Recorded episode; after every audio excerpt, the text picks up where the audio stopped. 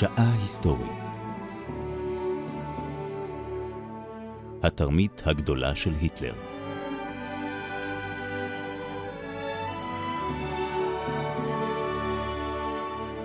הפרופסור מיכאל הרסגור וליעד מודריק משוחחים על סיפוח צ'כוסלובקיה.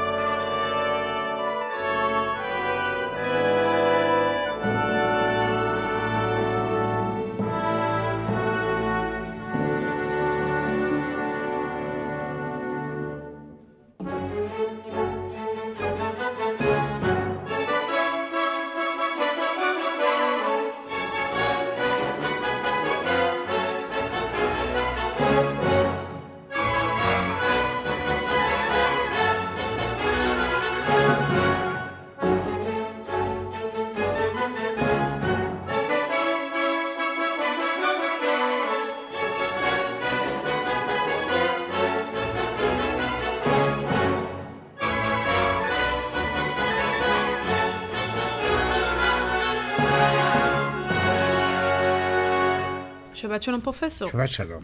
במה נעסוק היום?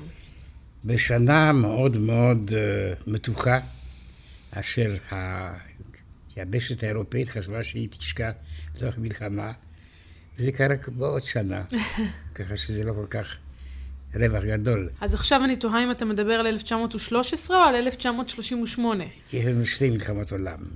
גמרנו מהראשונה, עכשיו אנחנו עוברים לשנייה. אז אנחנו ב-1938. בדיוק. וזו השנה שבה אירופה חששה... מאוד. מפני פרוץ מלחמה. מפני שהיטלר נתן תמיכה טוטאלית למיעוט הגרמני בצ'כוסלובקיה, שרצה פשוט מאוד לבטל צ'כוסלובקיה ולהזמין את הצבא הגרמני. מבחינה היסטורית, איך בכלל הגיע המיעוט הגרמני הזה לצ'כוסלובקיה? איך נוצר המצב הזה? צ'כוסלובקיה הייתה חלק של האימפריה האוסטרונגרית. באימפריה האוסטרונגרית היו המון עמים שונים. על השטרות האוסטרונגרית היה כתוב מהמחיר ב-20 שפות. ב-20 שפות? כן, עם הדיאלקטים וכל זה קרה. הצליחו לקרוא את זה? היה מקום לכתוב את כל כן. השפות האלה? זה לא בול, יש מקום. וזה כמובן, השטרות הללו היה עניין של סקרנות, כל אחד רצה לראות אותם. אני מנחשת שאתה השגת לעצמך איזה שטר אחד כזה ב-20 שפות. בהחלט, ברור. בהחלט, כן. נומיזמטיקה תמיד משכה אותי, דבר שקשור למטבעות. אז הגרמנים בעצם היו שם מימי קדם, מתקופת כן.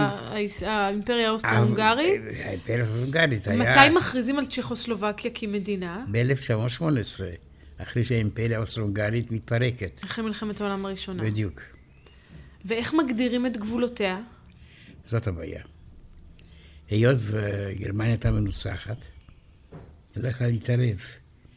ובעלי הברית שתמכו בצ'כים, צ'כים זה עם סלאבי, mm-hmm. אשר היה תחת שלטון ממשלת אבסבורג, ועכשיו הוא משתחרר. הוא היה עם תרבותי, ותמיד שאף לעצמאות, וקיבל איזושהי אוטונומיה באימפריה הסרונגרית. עכשיו, כאשר האימפריה מתפרקת, הצ'כים מחפשים את דרכם. והיה להם מנהיג מאוד מעניין, תומאס מזריק, שהוא המייסד של הרפובליקה הצ'כוסלובקית, הוא פרופסור באוניברסיטה של פראג, שבאוניברסיטה של פראג הייתה מחלקה נפרדת לגרמנים ולצ'כים. כמה, מבחינת שיעור האוכלוסייה, כמה היוו הגרמנים, המיעוט הגרמני הזה, בתוך צ'כוסלובקיה החדשה? היו שבעה מיליון צ'כים, שלושה מיליון גרמנים. אה, כלומר, מספר משמעותי. כן. אמנם מיעוט, אבל אה, אבל הבעיה כמעט היא שליש מאזרחי שהמיעוט המדינה. הזה לא היה ליד הגבול, אלא במרכז. אהה. על כן הצ'כים אמרו, אנחנו לא יכולים לתת לכם עצמאות, זה סוף אה, המדינה שלנו. זה באמת מה שרציתי לשאול, כי לו הגרמנים היו קרובים לגבול, או והיו- היו כן. יכולים פשוט אה, לצמצם קצת את גבולות צ'כוסלובקיה. או להישאר באמת עם אותם שבעה מיליון צ'כים. אל תשכחי שהסלובקים והצ'כים היו סלאבים, והשפה שלהם מאוד דומה. צ'כי מבין סלובקית ולהפך. כן. גרמנים זה משהו אחר לגמרי. אז זו הייתה ממש מדינה דו-לאומית, כמו שאנחנו רואים, לא נגיד. דו-לאומית, תלת-לאומית. כן, נכון, אבל אה, מבחינת ההבחנה הברורה בין השפות, כמו למשל בקנדה, שיש לנו את האנגלים והצרפתים. כן, וגם קנדה זה גם לא פשוט. לא, לא אמרתי שזה פשוט. אל תשכחי שכאשר דגול היה בקנדה, הוא צעק, תחי קבק החופשית. ואחרי שהקנדים אמרו, אל תמשיך עם הביקור, תחזור לצרפת. בבקשה." גירשו אותו בחזרה לצרפת. טוב, אבל זה הקנדים. קנדים, כן. אז בצ'כוסלובקיה יש לנו את הצ'כים והסלובקים, שהם אמנם שונים, אבל בכל זאת יש ביניהם קרבה מסוימת, והגרמנים, שזה פשוט סיפור אחר. בדיוק, הצ'כים מבינים סלובקית ולהפך. כן. אבל הגרמנים זה משהו אחר, כפי שאת אומרת, והם שואפים להצטרף לגרמניה. זה כמובן בעלי הברית לא יכולים להסכים, כי זה היה מפרק את צ'כוסלובקיה, מפני שהבעיה מעניינת, אילו הגרמנים היו ליד הגבול, כן. היו יכולים איכשהו לסדר, אבל הם במרכז.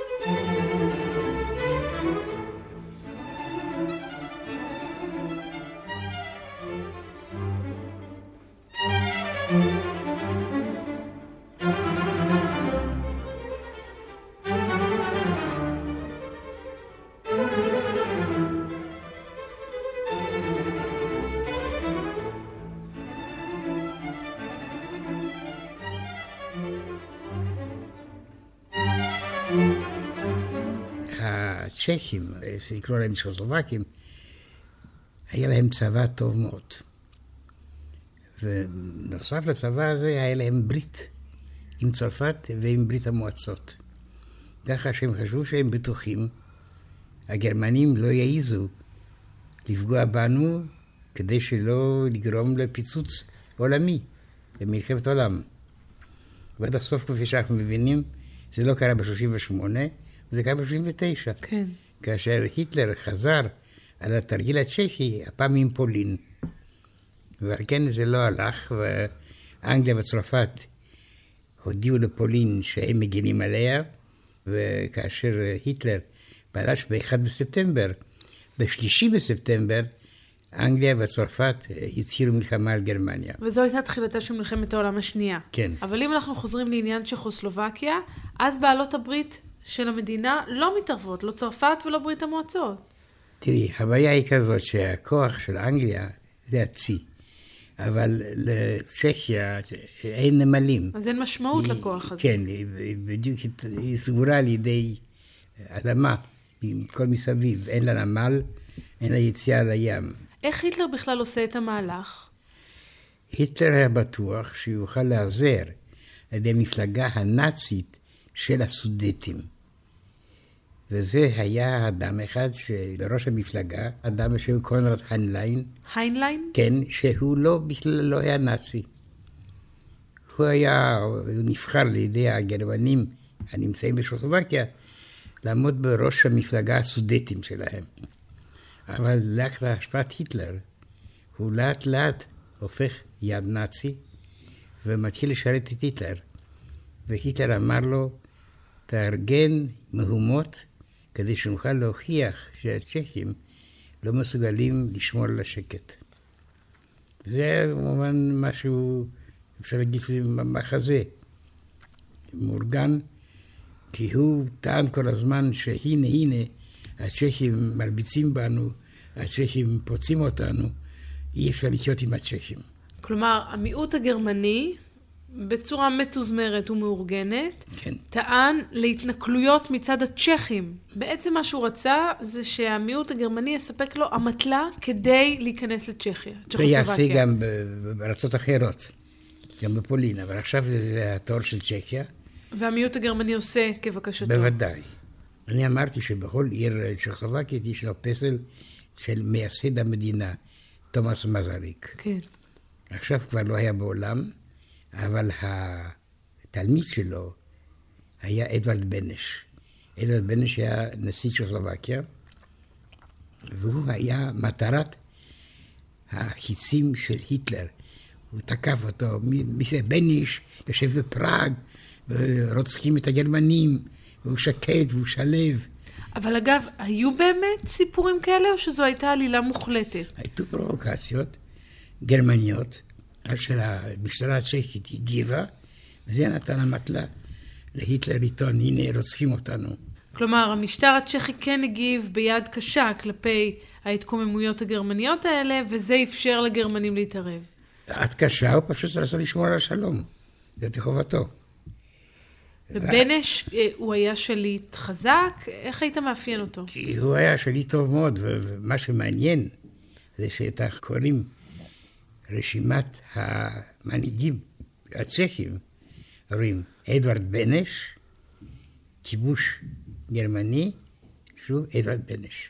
כלומר, הוא חזר להיות נשיא אחרי הכיבוש הגרמני.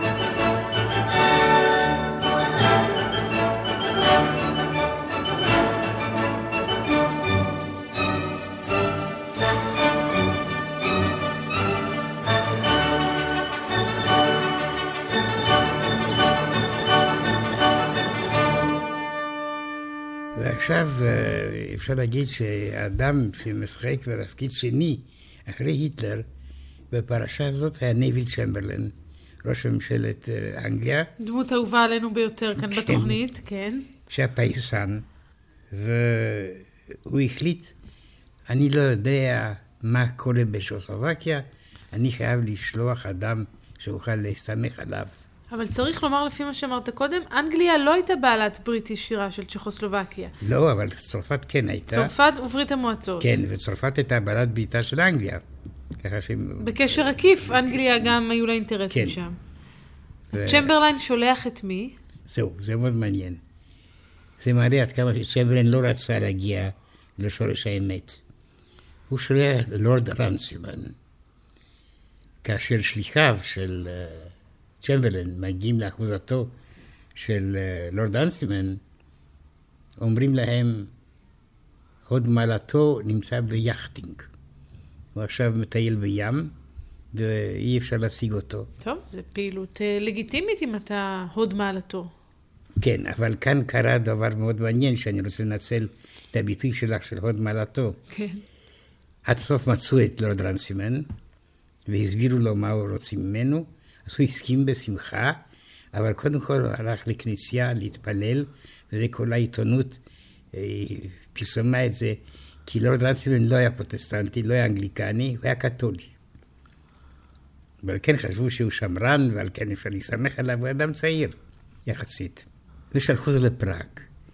בשגרירות הבריטית בפראג שכרו לו דירה במלון 15 חדרים. 15 חדרים? דירה אחת? כן.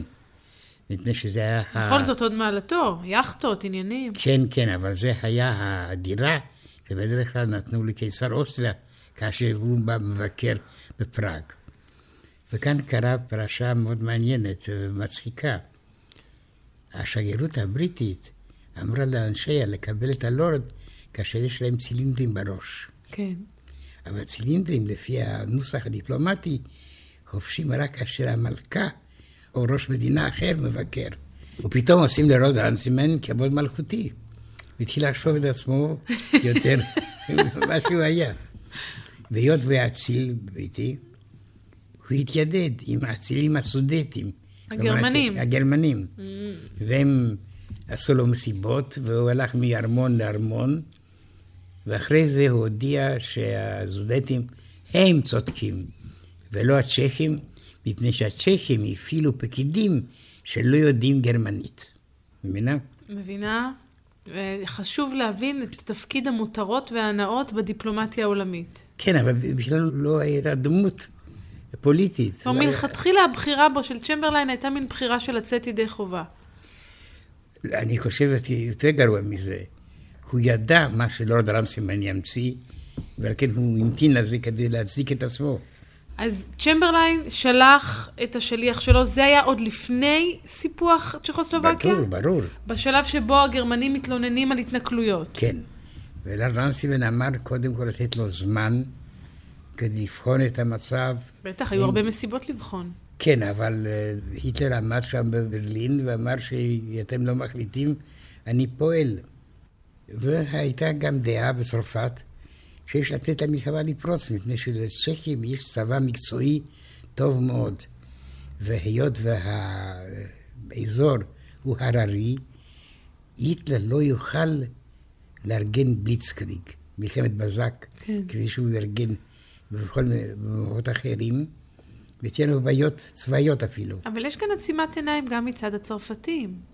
כלומר, זה לא רק צ'מברליין, גם הצרפתים שהם בעלי בריתם הישירים של הצ'כים, רואים מה הולך לקרות ואומרים, בסדר, הצ'כוסלובקים יסתדרו בעצמם. מדינה קטנה, חדשה, צעירה, אמנם עם צבא מרשים, ובכל זאת, הצרפתים יכלו, אולי צריכים היו להתערב. כן, בוודאי שיש אחריות גדולה מאוד על צרפת.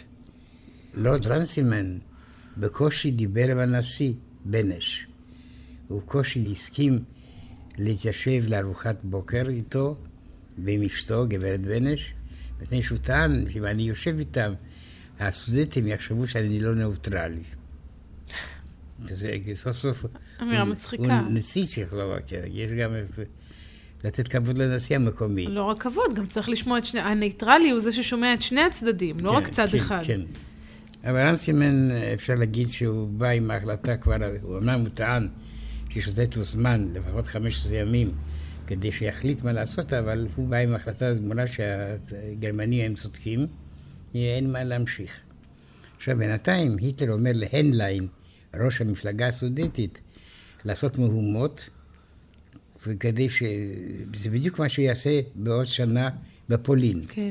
הוא אמר למיעוט הגרמני בפולין לעשות מהומות כדי להוכיח שפולין לא מסוגלת לשמור על השקט, ועל כן הפלישה הגרמנית תהיה מוצדקת.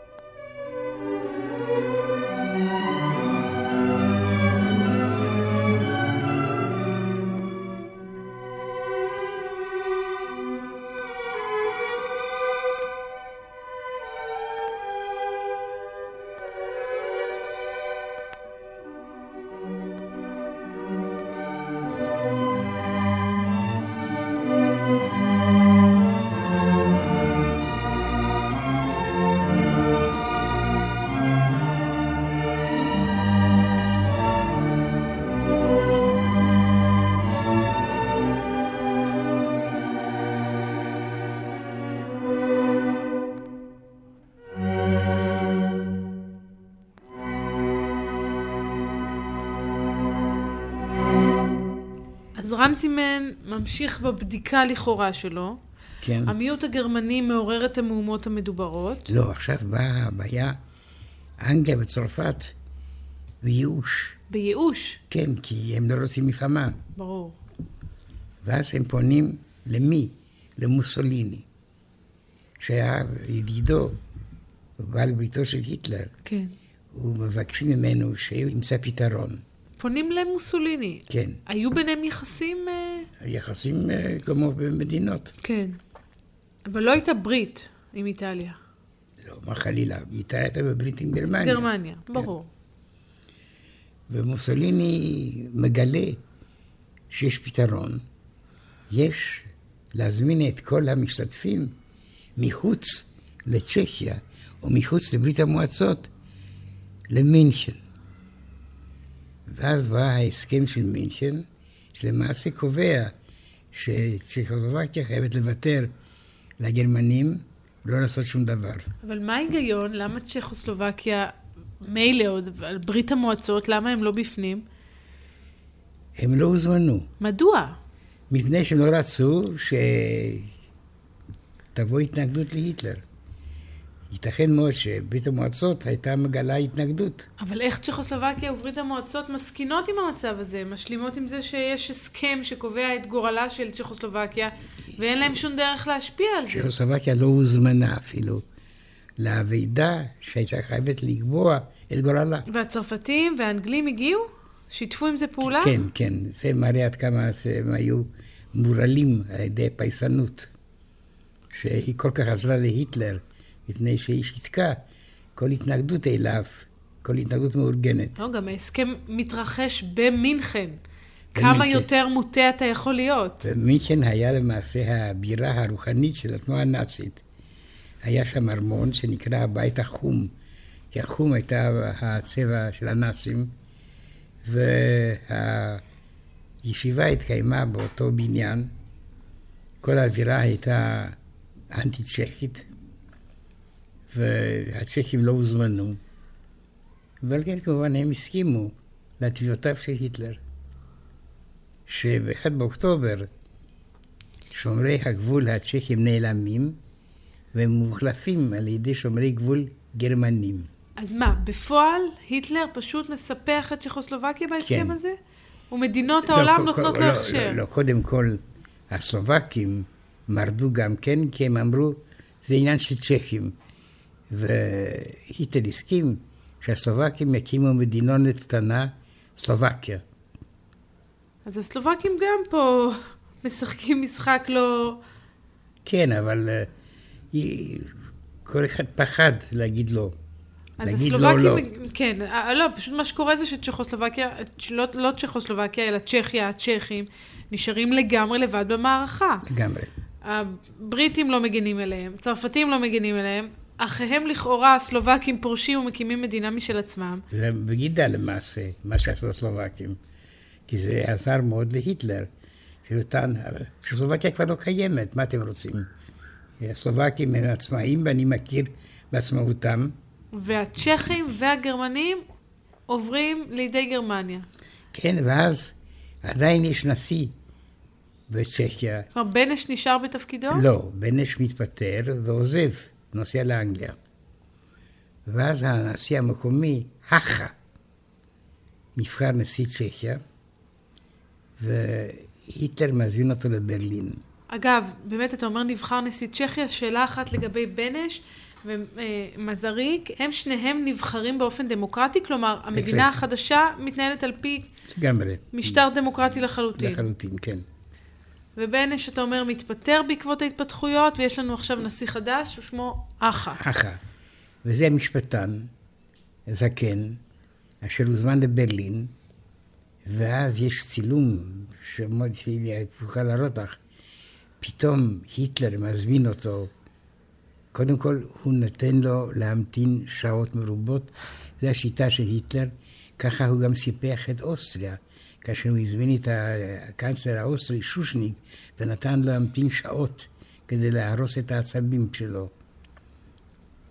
והכה ממתין, ופתאום הוא מופיע גרינג והיטלר וכל החצר הזאת הארמון של היטלר בברלין, ומול זה אדם אחד זקן, הכה. כן.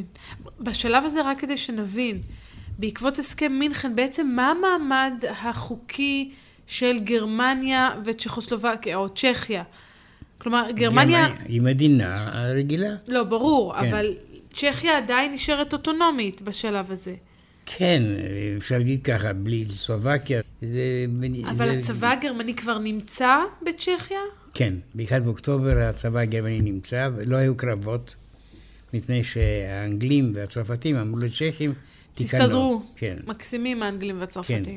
אז האחה נמצא לבדו מול צמרת המפלגה הנאצית, בדיוק. כשהצבא הגרמני כבר למעשה כן. בצ'כיה. ואומרים לו, אתה חייב לדאוג שסלובקיה תכריז על עצמאותה. שסלובקיה תכריז על עצמאותה. כן, כדי לשחרר אותך מכל התחייבות לחלק השני. סלובקיה תהיה אחרי זה בעלת בריתה. כן, של, של גרמניה הנאצית. בראש סלובקיה יעמוד כומר קתולי, טיסו. שהיה אנטישמי ובעצמו נאצי מבחינת השקפת העולם, והוא אה, יגיע עד הסוף שיוציאו אותו להורג. לא, אין ספק שאלה ימים אפלים מאוד בהיסטוריה האירופית. כן, ואני רוצה להגיד לך, אם כבר מדברים על זה, הנליין, אותו, אותו מנהיג, מנהיג סודטי. סודטי, כן. כאשר הוא הבין שגרמניה הפסידה את הקרב, הוא שבר בקבוק וחתך את הוורידים שלו עם הזכוכית, הוא מת. זה לפי דעתי טוב מאוד בשביל... הוא הסיק את המסקנות הנכונות. ההכרחיות, כן. כן.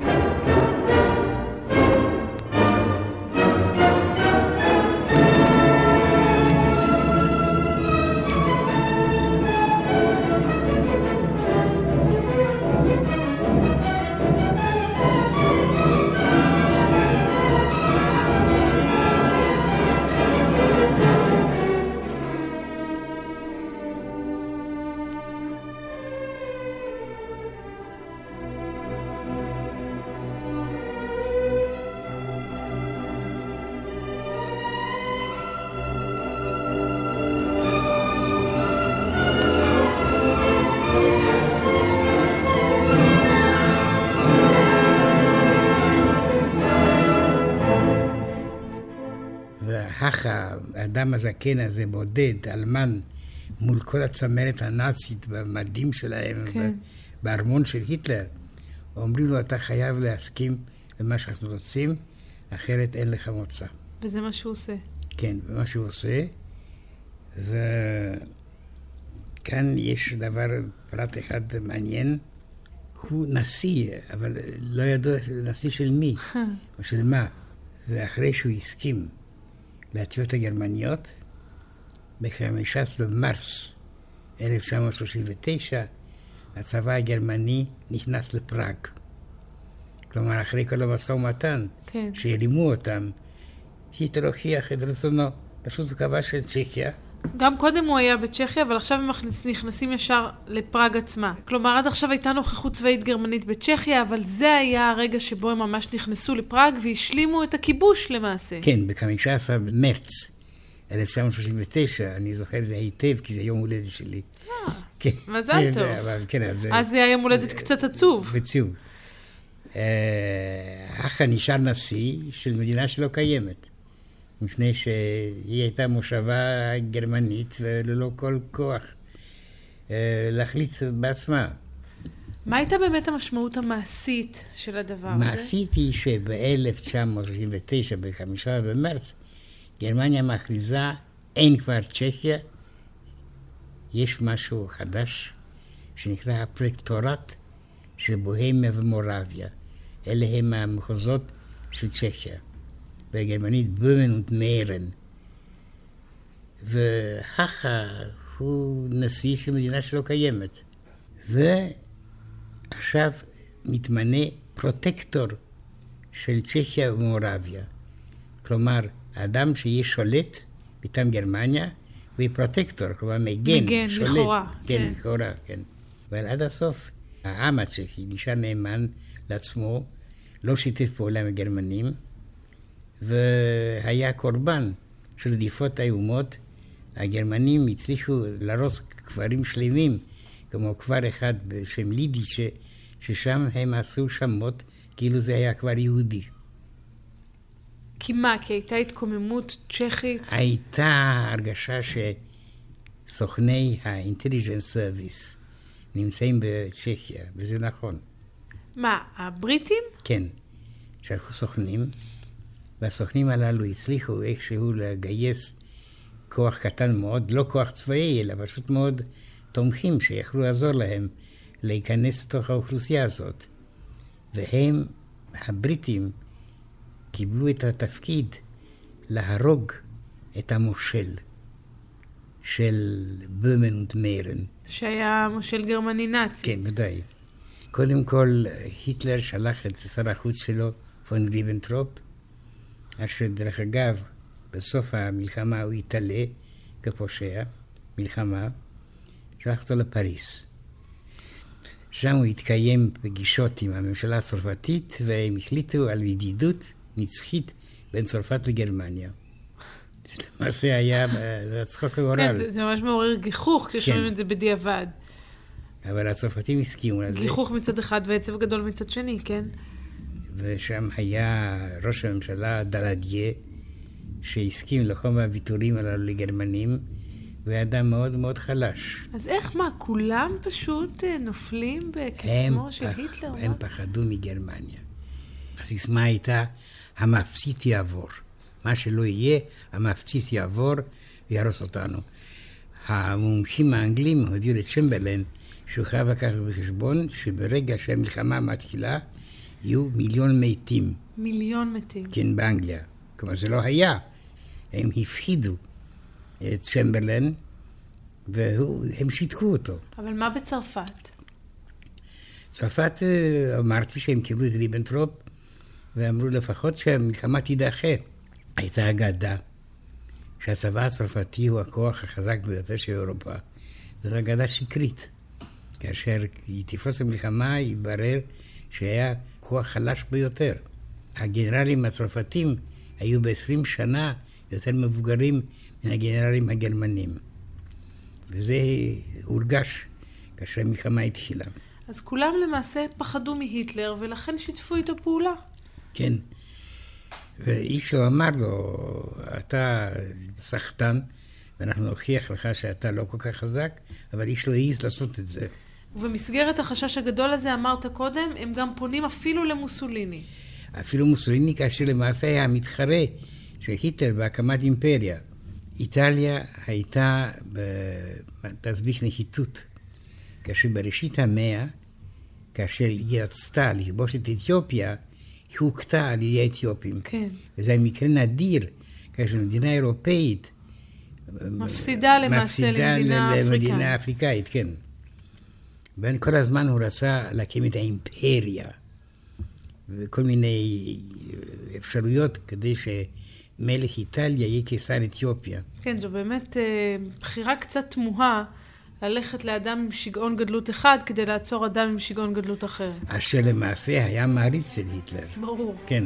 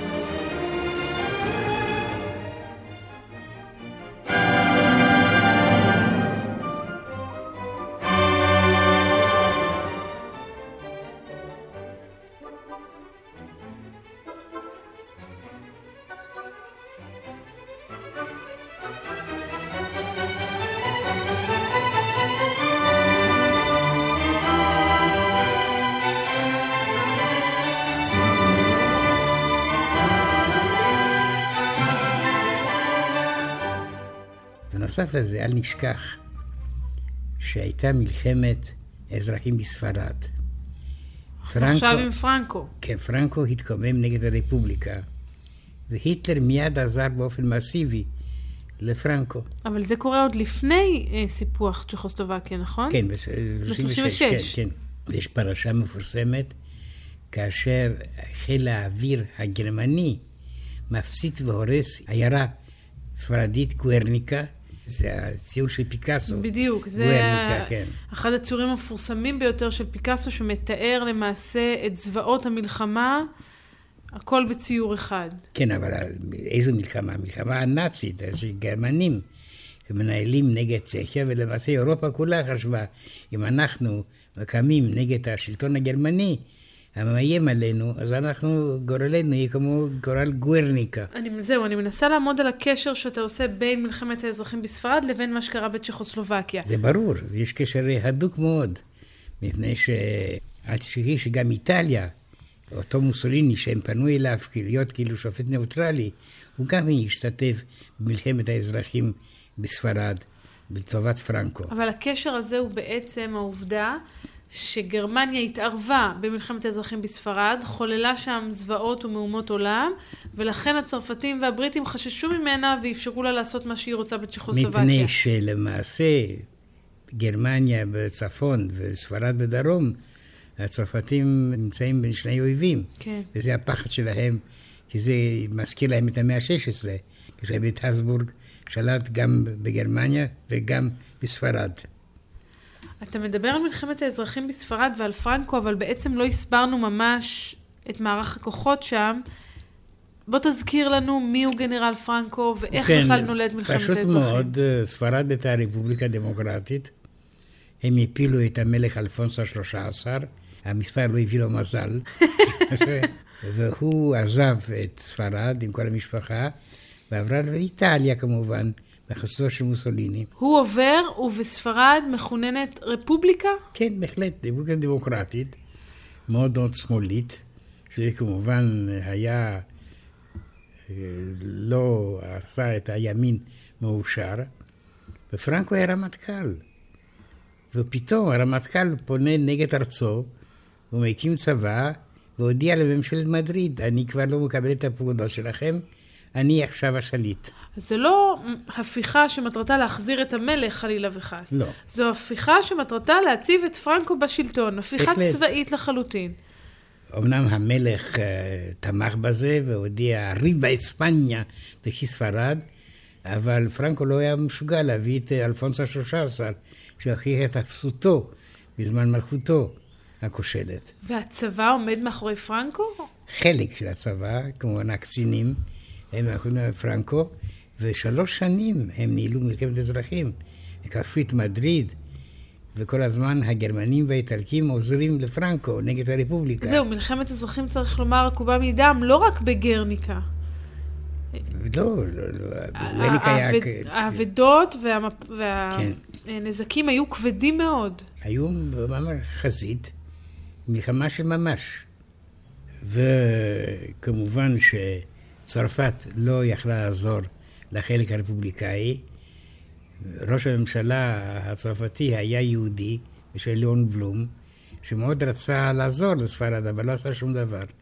ופחד, אם אני עוזר לספרד, גרמנים מתנפלים עליי. הזכרת קודם כראש ממשלת צרפת את דרדיה, ואתה עכשיו מדבר על ליאון בלום, כן, היו שם חילופי הם, שלטון הם תכופים. כן, כן, אבל זה היה באופן דמוקרטי, קונסטיטוציוני.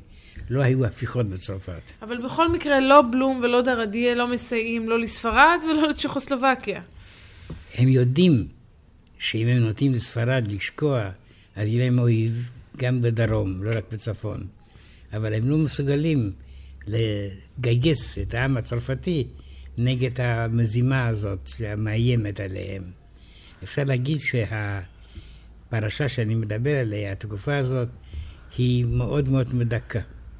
רואים פתאום המנהיגים של שתי מדינות גדולות, אנגליה וצרפת, נכנעים לאיום של כוח שלמעשה ההיסטוריה תוכיח הוא לא הכוח השליט. יש פה משהו בכלל פרדוקסלי, כי הרי גרמניה נכנסת לכל הסיפור הזה מתוך התפיסה שהיא הוכתה ונוצחה והובסה והושפלה ואיבדה מכוחה. כלומר, זה המנוע שבעזרתו היטלר מגייס את ההמונים למלחמה הזאת. כן. שגרמניה היא למעשה אה, חבולה ומוכה. בעוד שהצרפתים והאנגלים מפחדים ממנה כאילו היא המעצמה הכי גדולה בסביבה. זה הצחוק של הגורל. זה הטרגדיה, אפשר להגיד, שהמקוממת של התקופה הזאת. ואל נשכח שלפי חוזה ורסאי, לגרמניה אסור להביא כוחות צבאיים. יותר קרוב, 150 קילומטרים, מן הגבול הצרפתי. אבל היטלר מחליט כן לעשות את זה. והוא אומר בעצמו שזה היה הרגע הכי קשה של חיי. פתאום אני נכנס לריינלנד, שהיה אסור לי להיכנס, אני שולח את הצבא הגרמני, הוא תופס את כל העמדות, וצרפת לא עשה שום דבר. זה מדהים. מדהים, מדהים. הכל מפחד. מפחד.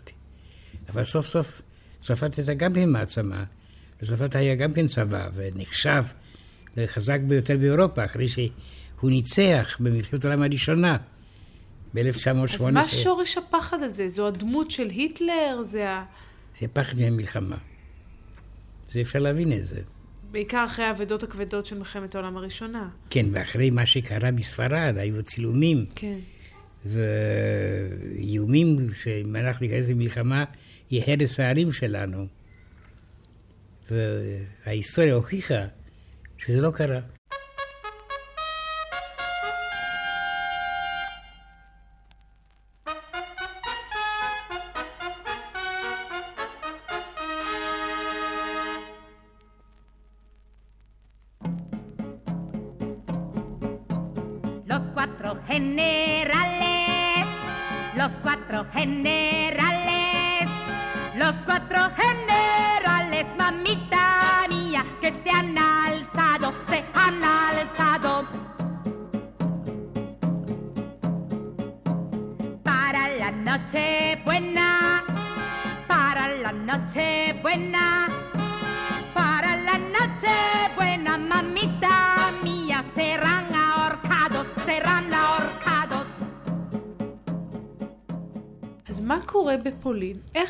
פתאום ב-1 בספטמבר, כשהיטלר מספח את פולין בשיטה די דומה למה שהוא עושה בצ'כוסלובקיה, כן. למה אז הם כן מתעוררים? זה זעקה ששבר את גב הגמל? בדיוק, בדיוק. סוף סוף הם חשבו עד הסוף לכבוש גם אותנו בצורה כזאת. אדם אחד קובע את גורלה של אירופה, זה בכל זאת משהו מקומם. אירופה עם התרבות שלהם, עם המסורת שלהם, פתאום נכנעת למי? לאדם ללא השכלה למעשה, אשר חושב שהוא מנהיג צבאי, אבל הוא לא, לא מנהיג צבאי. וההיסטוריה הוכיחה שהוא באמת לא היה מנהיג צבאי. אתה יודע, זה קל מאוד להיות חכמים בדיעבד, ולכן השאלה שאני הולכת לשאול אותך היא גם בעיניי בעייתית, אבל בכל זאת, אפשר לנסות לחשוב מה היה קורה אילו בעלות הברית היו מתערבות כבר עם הסיפוח של צ'כוסלובקיה, או שזה לא היה משנה באופן מהותי את ה... למה? הוא, אם היטלר היה מגלה שהוא חלש, הרי הוא היה שיכור ניצחון. הכל הלך לו. המדינות המסורתיות של אירופה המערבית נכנעות ללא קרב, ללא טענות. כל מה שהוא אומר זה הם עושים. המפגש שלי במינכן, כן. כאשר היה ברור שמוסוליני הוא סוכנו של היטלר ויעשה מה שהוא רוצה. זה היום אנחנו קוראים את הדפים הללו של ההיסטוריה, אנחנו מתקשים להבין כיצד הם היו נכנעים ללא ניסיון להתנגדות. כלומר, אתה אומר פה בעצם שמעבר למשמעות המעשית של אה, סיפוח צ'כיה לגרמניה, הייתה כאן משמעות תודעתית מאוד מאוד גדולה. בעיקר עבור היטלר עצמו, שבשנה הזו, בתקופה הזו, צובר כוח ועוצמה ומרגיש את עצמו כלא מנוצח, וזה מה שיאפשר לו אחר כך לעשות את הדברים שהוא עשה לפחות בתחילת מלחמת העולם השנייה. כן, אבל המלחמה הוא תוכיח שהוא חלש. אבל ההפסד הזה במלחמה לקח שש שנים. שש שנים קשות מאוד, שהיה להן מחיר עצום מבחינת אירופה והעולם כולו. ואל נשכח שהיה גורם אחד שהיטלר פחד ממנו. היטלר הרגיש שצמרת הצבא הגרמני לא מוכן ללכת אחריו להרפתקה, ועל כן הוא החליט לסלק את הרמטכ"ל הגרמני ואת עוזרו. פון בלומברג היה הרמטכ"ל, והוא באותה תקופה רצה להתחתן. ואז היטלר המציא את הסיפור עליו.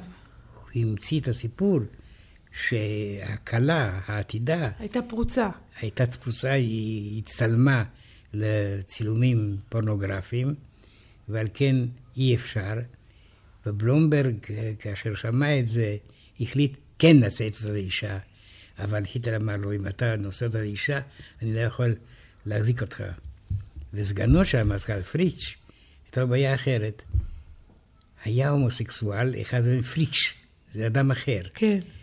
והיטלר דאג שהמשטרה שלו תוכיח שפריץ' הוא-הוא ההומוסקסואל. אותו סגן הרמטכ"ל. כן, ועל כן הוא נאלץ להתפטר. ועל כן היטלר הצליח לחסל את הצבא הגרמני בתור כוח שיכול היה להתנגד לו. אז היטלר מחסל את ההתנגדות החיצונית דרך אמצעים דיפ... דיפלומטיים. דיפלומטיים, תסלחי לי. והפחדה. זה, זה הפחדה, כן. הוא מצליח לחסל את ההתנגדות הפנימית דרך מזימות מהסוג שאתה מתאר כאן. כן. ונותר ב-1939, כשהוא יכול לעשות ככל העולה על רוחו, וזה מה שהוא עושה. הוא עושה, והמפלה תעבור בסוף בתחתיר. כלומר, מה שמעניין מאוד, שכל זה היה בלוף. הצבא הגרמני לא יכול היה להשתלט על כל אירופה כולה, כולל ברית המועצות, ותוצאת המלחמה אומרת, לא דרשני, אלא אומרת דבר מאוד ברור. הכל היה עניין של סחטנות, שהאירופאים נכנעו בלי לבדוק לעומק מה האמת מאחורי עוצמתו של היטלר.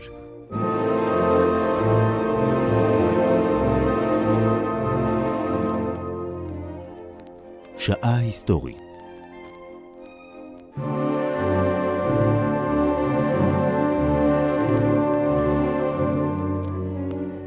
התרמית הגדולה של היטלר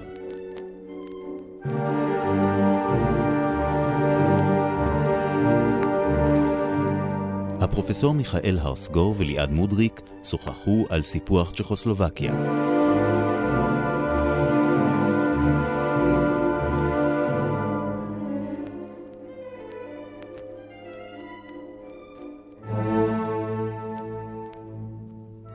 עורכת דרור שרון. ייעוץ מוזיקלי, עמליה רוזן. ביצוע טכני, אופירה יעקב, צליל ברגמן ושחף בן לוי. בתוכנית הושמעו קטעים מאת המלחינים יוזף היידן, אנטון דבוז'ק, לודוויג ון בטהובן ולאוס ינצ'ק, וכן המנון צ'כוסלובקיה והשיר לוס קואטרו גנרלס.